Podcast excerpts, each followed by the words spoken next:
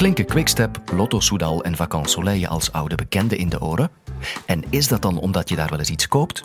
Of omdat je wel eens naar het wielrennen kijkt? De sponsors van wielerteams worden tientallen keren vermeld. Maar waarom is de Tour de France winnen niet meer belangrijk voor sponsors? Hoogleraar sportmarketing Wim Laga van de KU Leuven legt uit wat er wel belangrijk is voor sponsors. Dit is de Universiteit van Vlaanderen.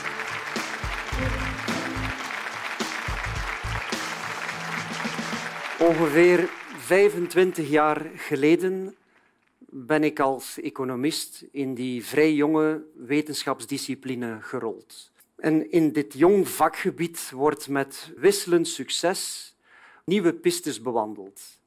En misschien wel het strafste sport- en sponsorexperiment van de jongste jaren is Breaking Two van Nike.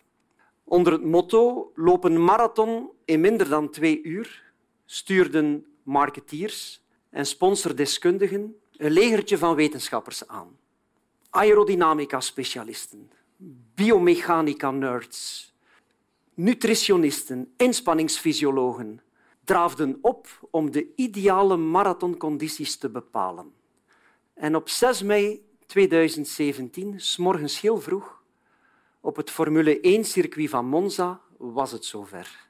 Een gigantisch experiment en de Keniaan Kipchoge die miste op 25 seconden na die mythische, magische grens van twee uur. Dus er werd daar een officieus wereldrecord gelopen, maar eigenlijk fenomenaal, want 2,5 minuut vlugger dan het officiële record op de marathon van Dennis Kimetto, niet toevallig door Adidas gesponsord. Maar is dit niet te gek voor woorden? Hoe komt Nike er in godsnaam op om een peperduur evenement kunstmatig in elkaar te knutselen, atletiekinstanties buitenspel te zetten en een wedstrijd zonder tegenstanders te organiseren? Wel, om dit te begrijpen, moeten we de transformatie die de sponsordiscipline doorgemaakt heeft kaderen. En van daaruit gaan we ook richting Tour de France. Maar laat mij eerst nog enkele cijfers meegeven. Dus mijn discipline, de sponsormarkt wereldwijd, dat is ongeveer 65 miljard dollar. Die markt groeit jaarlijks aan 4 procent. En 70 procent van die investeringen worden in sport geïnvesteerd. Dus andere sponsorvormen zijn kunst, cultuur in brede zin, entertainment, onderwijs, maatschappelijk. Wij focussen ons nu op sport en meer bepaald op wielersport. En laat ons even onze Vlaamse bril afzetten. Wielrennen is niet nummer twee of drie. Misschien wel in Vlaanderen, maar niet in de wereld. Daar is het nummer 17. En het vertegenwoordigt een business van ongeveer, kort door de bocht, een half miljard dollar. Nu, wat is sponsoring? Dat is een win-win zoeken tussen een merk en een sportvorm. Je koopt eigenlijk een promotionele associatie. Je betaalt daar meestal geld voor, soms ook goederen en diensten. Bijvoorbeeld Le Crédit Lyonnais is al lang sponsor van de gele trui in de Tour de France. Maar vlug over naar de prehistorie van sportsponsoring. En dan gaan we terug naar eind 19e eeuw. Toen was er een sportkrant, een sportdagblad, Le Vélo, en die organiseerden eendagswedstrijden. Die vandaag, Parijs-Roubaix bestaat vandaag nog, Bordeaux-Parijs is niet meer. En eigenlijk concurrent Lotto die zag eigenlijk met afgrijzen toe dat Le Vélo fenomenaal groeide, ook rond die vele verhalen. En toen zei het Autodagblad, als wij nu eens een meerdaagse wielerwedstrijd organiseren door Frankrijk. En zo werd in 1903 de Tour de France geboren. Al vlug groepeerden renners zich in teams. Meestal gesponsord door toen Franse of Engelse fietsen- of fietsonderdeelmerken.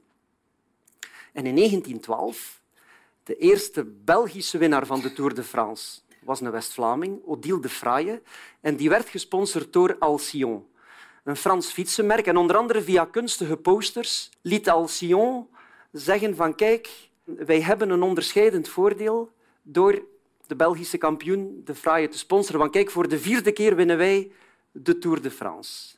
Nu dan, in het interbellum, tussenoorlogse periode, werd, had je veel nationalistische tendensen, werd met landenteams gekoerst en was er eigenlijk een stagnatie op commercieel vlak. Maar vanaf jaren 50 kreeg je een nieuwe golf. En nu waren het de niet-sportmerken. Merken die in C niks met sport te maken hebben. Big balpennen, Nivea huidcrème, Molteni fijne vleeswaren, ijsboerken, roomijs. Die sponsorden sport. Extra sportieve merken zorgden voor een sterke groei van sportsponsoring. En belangrijk is dat we nu een eerste golf kunnen onderscheiden. Een 1.0, eigenlijk een hobbyistische inslag. Namelijk, die zaakvoerders hadden een passie voor sport en die wilden winnen. En na het winnen eigenlijk feesten.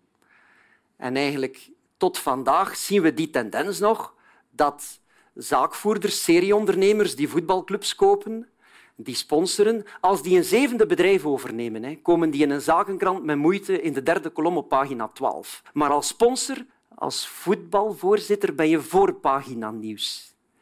En dat straalt ook af. En zo herinner ik mij een CEO die na twee jaar geleden, na een ritoverwinning van een renner in de Tour de France, hij zag dat op tv, hij was dol enthousiast, yes, gewonnen. Spoorslags reed hij met zijn wagen naar het hotel van de renners in Noord-Frankrijk, vlug enkele betere kratjes wijn in zijn wagen. En daar ter plaatse ontpopte onze kapoen zich ook, onttoonde hij ook zijn leiderschap. En zette je daar toch wel een polonaise in, zeker? Naar verluid, een compositie van zijn hand. En dit wordt in de literatuur la danseuse du président genoemd.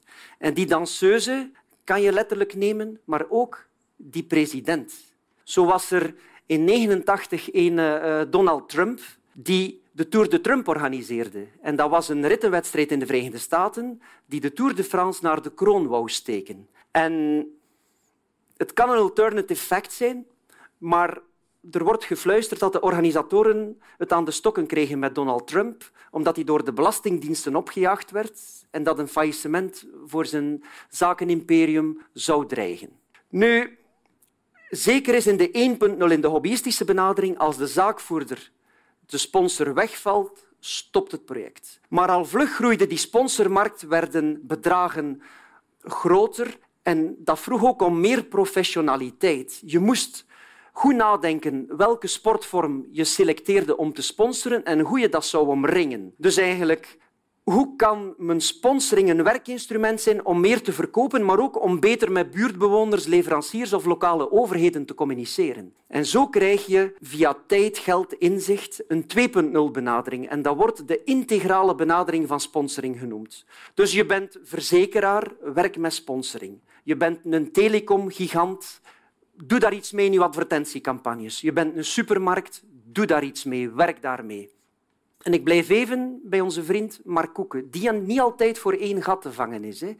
Want ook in die 2.0-benadering, een stuk van zijn commercieel succes voor zijn diverse farmamerken, à la Bodysol, Ethics, Davitamon, Predictor, was kiezen voor naamsponsoring van een wielerteam dat meedraait op het hoogste niveau. Maar die wielersponsoring krachtig omringen. Met bijvoorbeeld VIP-pakketten voor apothekers, met winkelpuntcommunicatie op de apotheek. Dus bijvoorbeeld ten tijde van de sponsoring van Lotto Predictor. En voor een goed begrip Predictor waren hier test-jezelf-producten voor mannen, dus bijvoorbeeld bloeddrukmeting, cholesterolmeting enzovoort. Deze producten werden vooral verkocht in het apotheekkanaal. En hij had apothekers kunnen motiveren om zijn producten een goede plaats op de toonbank te geven. Maar het apotheekkanaal is een premium marketingkanaal. Dat betekent dat je daar hogere prijzen kan vragen, omdat je meer geloofwaardigheid via de witte doktersjas uitstraalt, hogere marges tel uit de winst. Nu, die 2.0 is een vrij dominante golf, maar sinds twee, drie jaar zien we een 3.0 golf. En die staat in het teken van CBT. En ik pas die CBT toe op het project waar ik mee gestart ben, Breaking Two van Nike. De C van conversatie. Vertel een verhaal via de B van belevenissen. En deel dat verhaal via uw eigen kanalen. Dus Nike deelde dat alleen via zijn eigen kanalen. En klassieke media gingen het al dan niet overnemen. En de T van terugverdienen is dat men vandaag de via de Vaporfly een loopschoen met carbon middenzool commercialiseert en probeert terug te verdienen. Maar we blijven even bij Nike. En op vlak van sportsponsoring is dat een heel rebels bedrijf.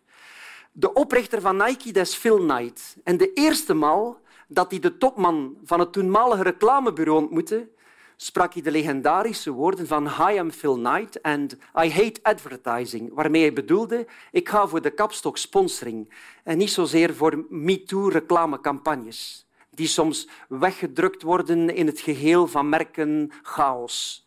En niet te verrassen dat, we gaan terug naar Tour de France, dat Nike koos voor Lance Armstrong als gezicht. Want als dit geen Hollywood-verhaal was.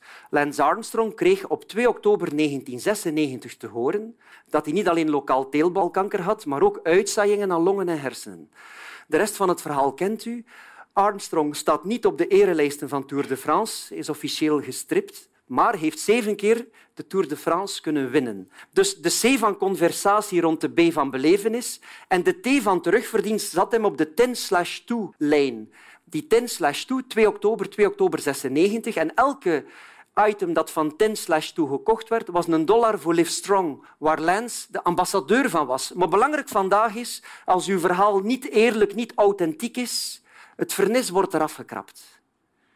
En Nike heeft jarenlange samenwerking na enkele dagen bedenktijd met Lance moeten beëindigen. Heeft hij beëindigd. Maar ik blijf in 3.0 en ik ga naar Mark Koeken. Wanneer Mark Koeken als serieondernemer vandaag zich enorm inzet voor stop darmkanker of voor het sponsoren van Responsible Young Drivers, zitten we hier in de 3.0. Dus voel je heel veel overlap.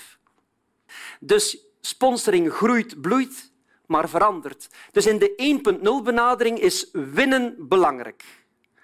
En na de overwinning gaan we al dan niet feesten. We willen in beeld zijn, we willen winnen. 2.0 is werken met sponsoring. het is soms gemakkelijker om te werken rond overwinningen. 3.0, dat is voor vandaag de happy few topmerken. Conversatie, beleven is terugverdienen. Maar zoals wielerteamsponsor Sunweb het zegt, is van we werken rond herinneringen, niet alleen rond overwinningen. Dus in de 3.0 is de authenticiteit van uw verhaal belangrijk. Maar dat had men eigenlijk al in 1951 ontdekt. Want toen stond Nederland in rep en roer. Er was een sportmirakel in de maak. Voor de eerste maal in de geschiedenis had je in Nederland een gele truidrager. En die heette Wim van Est. Wim van Est was een karakterklimmer, maar een heel onervaren daler. En op een dag was heel Nederland aan het radiotoestel gekluisterd, want dan ging beslist worden of dat hij in de Pyreneeën ging overleven. Maar op de flanken van de Obisque liep het helaas mis. Terwijl men luisterde, verdween Wim van Est letterlijk van de radar. Na een intense zoektocht werd hij 70 meter diep gevonden. En dan start het verhaal dat op de hoofdzetel van Pontiac iemand van de administratie, we zouden het vandaag iemand van de marketingafdeling noemen, dus mevrouw Nees kwam op het idee van 70 meter viel ik diep, mijn hart stond stil, maar mijn Pontiac liep.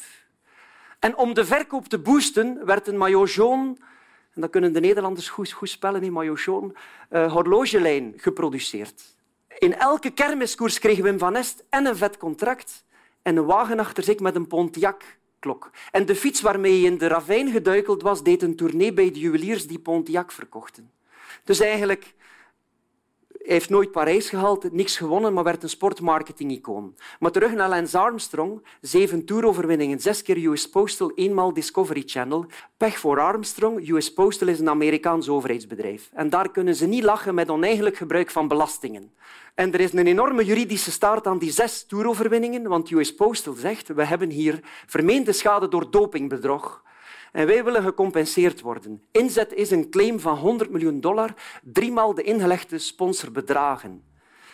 Daarom is winnen niet altijd en niet langer belangrijk voor sponsors. Vond je deze podcast interessant? Op radio1.be hoor en zie er nog veel meer.